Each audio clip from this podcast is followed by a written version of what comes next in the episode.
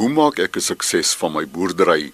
'n Antwoord hierop het ons verlede Saterdagoggend in hierdie program verneem van Andrei Kloete van die plaas Klein Eseljagte in die distrik van Caledon. Andrei boer met uitvoervrugte, graan en vee en is voor verlede jaar aangewys as Toyota SA se New Harvest Farmer of the Year. In geselskap van Jerry Aries, direkteur grondhervorming in die departement landbou in die Wes-Kaap, sluit ons weer aan by Andrei. Die ander kant van sukses is om jouself te integreer met landbou. Met georganiseerde landbou. Ons kan nie apart staan van georganiseerde landbou nie. Want dit is waar ek ook baie geleer het. Jy integreer met jou medeboere rondom jou en ons gesels een taal. Byvoorbeeld so, ons het 'n studiegroep. Deur Today het ons 'n uh, orchard walk waar ons uh, sê elke tweede maand na verskillende plase gaan kyk na tegnieke wat ander persone suksesvol aanpak. Hoekom dan nie leer nie?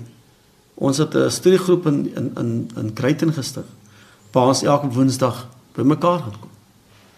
Uh Woensdag om 10:00 op verskillende plase. As my boord 100 ton hektar gee, 'n peerboord, maak saak wat die variëteit nie.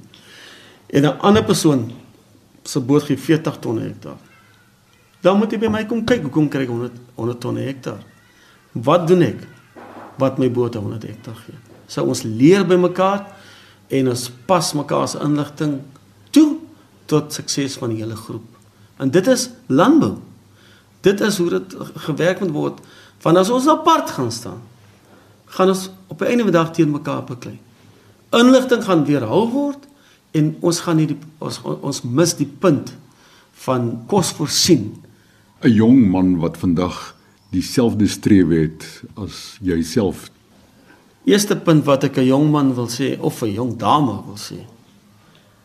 Waar ons die grootste fout gaan maak as om geld te sien. Geld is belangrik. Inkomste is belangrik. Maar moenie net geld sien nie. Want in die bedryf lewe jy so na aan die aarde. Plat op die aarde. Verlede jaar het ons kom skade gekry. Wolkbreek wat vir ons 75 mm in 2 ure gegee het. Klomp skade al. En dan moet jy penreg op staan.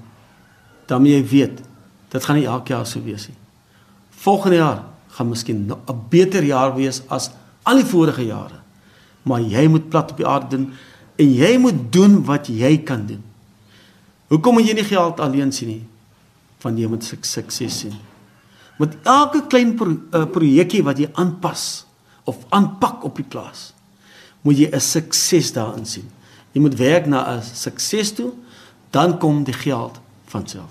Chris van die departement se kant af moet ons ook erkenning gee aan ons mede boere wat in die bedryf is en wat ook ander ondersteun.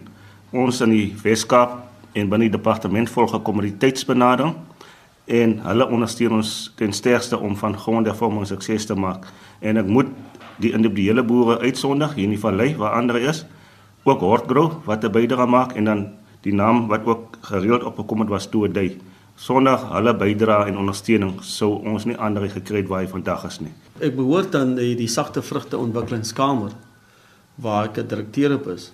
En ek is trots om dit te sê ons swart boere ondersteun ook sterk mekaar en ons ons glo in mekaar en ons is ook druk besig om integraal deel te vorm van die industrie. Een industrie sal wees wat almal verteenwoordig. En dit is my belangrik want ons praat een taal. Ons vrugte gaan na een mark toe ouers oor see. So ons moet deel vorm, almal moet deel vorm van een industrie. Andre, jy ontvang dikwels hier op klein eseljagte oorseese besoekers. Uh, Lyk my dit raak nou 'n jaarlikse instelling. Val uit Amerika uit. Studente en dan ook boere en uh professionele mense. So twee verskillende onderskeie uh, toegroepe. Besoekie plaas om om eintlik te luister uh, hoekom ek suksesvol is of onsuksesvol is en uh waar ons begin het, waar ons vandag is en wat ons uh, toekomsvisie is. Ook uit uh Swede uit uh het ons al toegroepe gekry. Ons volgende week sal ons 'n uh, groep kry uit Lesotho uit.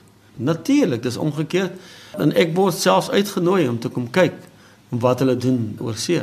Chris, ja, ons het 'n uh, tegniese span op Elsenburg wat bestaan uit twee of drie spesialiste wat moet omsien na ons kommersiële uh swart boere en dis net om seker te maak dat ons die periode van van leer net net 10 keer korter maak en die boer ondersteun om so vinnig as moontlik kommersieel sy plek in die bedryf in te neem. Ons het al in Suid-Afrika in Grabouw uh verliesdop area het ons al 'n paar boere gevestig onder die Fruitways en Today groep en selfs in die Ceres groep ook 'n paar boere gevestig. Dit is groot suksese wat behaal kan word. En dit gaan basies om so gou moontlik nadat jy 'n boot gevestig het om jou tonnemate af te haal. Om so gou moontlik die gelykbreekpunte te kry om geld te maak, wins te maak.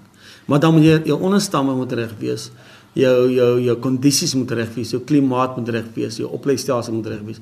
Alles moet moet uh, perfek wees. En ek dink in Suid-Afrika kan ons dit reg kry. En ons gaan dit reg kry. Ons moet net die, die regte kweekmateriaal uit die die kweekery kry. En en genoeg kundiges wat ons bystaan om dit te doen. Die opkomende boere wat nou in die mark kom, moet eintlik gehelp word met die bestes van die bestes sodat daai gaping so gou moontlik toegemaak kan word dat ons dan uit een mond uit kan praat. Kommersieel. Andrei Kloete van Klein Eseljagte in die Caledon distrik en direkteur grondhervorming in die departement van landbou in die Wes-Kaap, Jerry Aries. Van Caledon na Spoegrivier in Namakwaland. Brian Mitchells is voorsitter van die Spoegrivier Veeboerevereniging en saam met Melinda Gardner, rentmeesterskap koördineerder van Conservation SA of CSA verneem ons van marktoegang vir veeboere. Chris, laat ek jou sê, dit sukkel om die goed markgereed te kry. Jy kry hulle nie markgereed as jy nie hulp kry nie. Want jy moet die, vee afrond alvorens hulle kan mark want want die mense sal nie eens op optrek vir hulle sal in elk geval nie uh, byvoorbeeld 'n klas 2 sal uh, slagpale nie wil slag nie. Ons het saam met uh, CSA het ons gehelp en ons het uh, ons het goed het mark. Maar uh, as jy goed die mark gereed is nie, dan sit jy. Onthou by die bestaansboer Chris, as dit 'n ander storie, dit braak aan jou voedselsekerheid later. Hmm. sien jy wat nie 'n inkomste het nie. So wat eet jy? Enige vuurboer wat ek ken, gaan nie 'n maar ding van hom slag nie. Wat gaan hy maak? sien? Hy moet mos meel koop en dis meer. So dis maar 'n probleem wat droogte betref en uh, wat moontlik sal help. As die staat net wil aandag gee aan ons waterprobleme. Laat ons ons wissel wisselwyding kan toepas. Want kyk hier, die een proses, Chris, help die ander een beweeg jy van een standing na die ander een en daar's water dan as 'n ver, verligting op die veld as jy nie grond het nie kan jy nie boer nie uh, dis my probleem wat ek het met die hele sê kom ek sê water jy kan aan reën niks maak jy net God kan vir ons reën gee. So dis die probleem. Die grootste probleem is water en en as dit dan nou regtig dorak uh, dan moet die staat ons help. Melinda, hierdie probleem van marktoegang is nie eie aan Spoegrivier nie, dit nee. geld die hele gebied. Dis die hele gebied.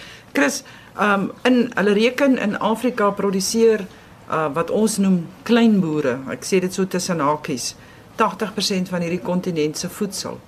Um en juis ons het nou gehoor Brian sê dit tas mense se voedselsekerheid aan as vir nie 'n goeie kondisie sê. Maar mense sukkel ook om marktoegang na die hoofstroom mark toe te kry. Daar's baie redes daarvoor. Hierdie is nie 'n boer met bronne soos 'n 'n bakkie of 'n 'n 'n klein vragmotor waarop hy sy diere kan laai nie. Die paaie is onbegaanbaar. Um indien hy sy vee deur iemand anders sou vervoer, sal hy heel waarskynlik baie geld moet betaal. Daar gaan nie wins. Hy het nie hy het nie 'n groot hoeveelheid nie.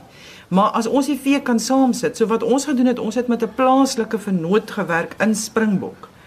Um Namit slagpale daar en hulle is fantastiese mense. Albei van en Neefer daar um al die jare het ons hierdie vennootskap met hulle wat hulle dan nou elke jaar doen is ons vra byvoorbeeld vir Brian wat die voorsitter is van die van die veeboere vereniging hier, kry vir ons die getalle van hoeveel mense wil vee verkoop. En die enigste rede daarvoor is, is ons wil weet Namie wil weet hoe groot 'n trok moet hulle bring. Hoe groot 'n vragmotor. Dan reël ons 'n dag waar almal by verskillende punte op krale die vee wat hulle wil verkoop bymekaar hou en ons kom met spuitkannetjies sodat ons elkeen twee groen kolle en 'n rooi streepie, drie rooi strepe en 'n geel kol. So ons identifiseer dit so. Ons het 'n 'n bord met 'n papier op waar ons elkeen sin opskrywe. Dan kom hulle deur en ons uh, onderhandel 'n 'n mark uh verwante prys wat wat so naby as moontlik is volgens die kondisie van die diere mos nou 'n prys vir die boere moet na meet. So wat gebeur in jou meentarea as jy kry spekulante wat 'n baie goeie rol speel. Al die jare kom spekulante en hulle kom um na die mense toe wat mense baie help. Maar nie elke spekulant is 'n eerlike spekulant nie. So wat soms gebeur is boere kry minder vir hulle vee as wat die vee werd is. Ons leer boere meet jou kondisie. Dis deel van hierdie drie vlak monitering. Dit link ook na jou marktoestand toe of jou diere se marktoestand. En ons um bring dan die die lorry hiernatoe, maar ons sê vir hulle meet hulle, weeg hulle. Dan en weet wat die markprys is. Dan kan jy ten minste 'n idee van wat jou dier werd is. So dan dan kom hulle een keer 'n jaar hiernatoe. Um ons het 'n fantastiese ou wat ons daarmee werk behalwe albei en dis die ou wat die lorry bestuur en die soort van die markagent is Gerrit Visser ook bekend hier rond in die, hierdie wêreld as Steenbok. En uh, ek kan nie meer al meer pryse wat ek ek weet nie wat om te doen om hom genoeg te prys nie. Hy's geduldig hy's eerlik hy hy is self 'n boer in die area so hy verstaan boere se omstandighede en hy kom dan met die lorry en ons kry die mense so goed hier vanaf tot by die mark toe. Vanaf Spoegrivier in Makwaland het ons verneem van Brian Mitchells voorsitter van die veeboere vereniging al daar en Conservation SA's rentmeesterskap koördineerder Melinda Gardner. Melinda se telefoonnommer 027 718 1565. 027 718 1565. Ons groet tot volgende keer.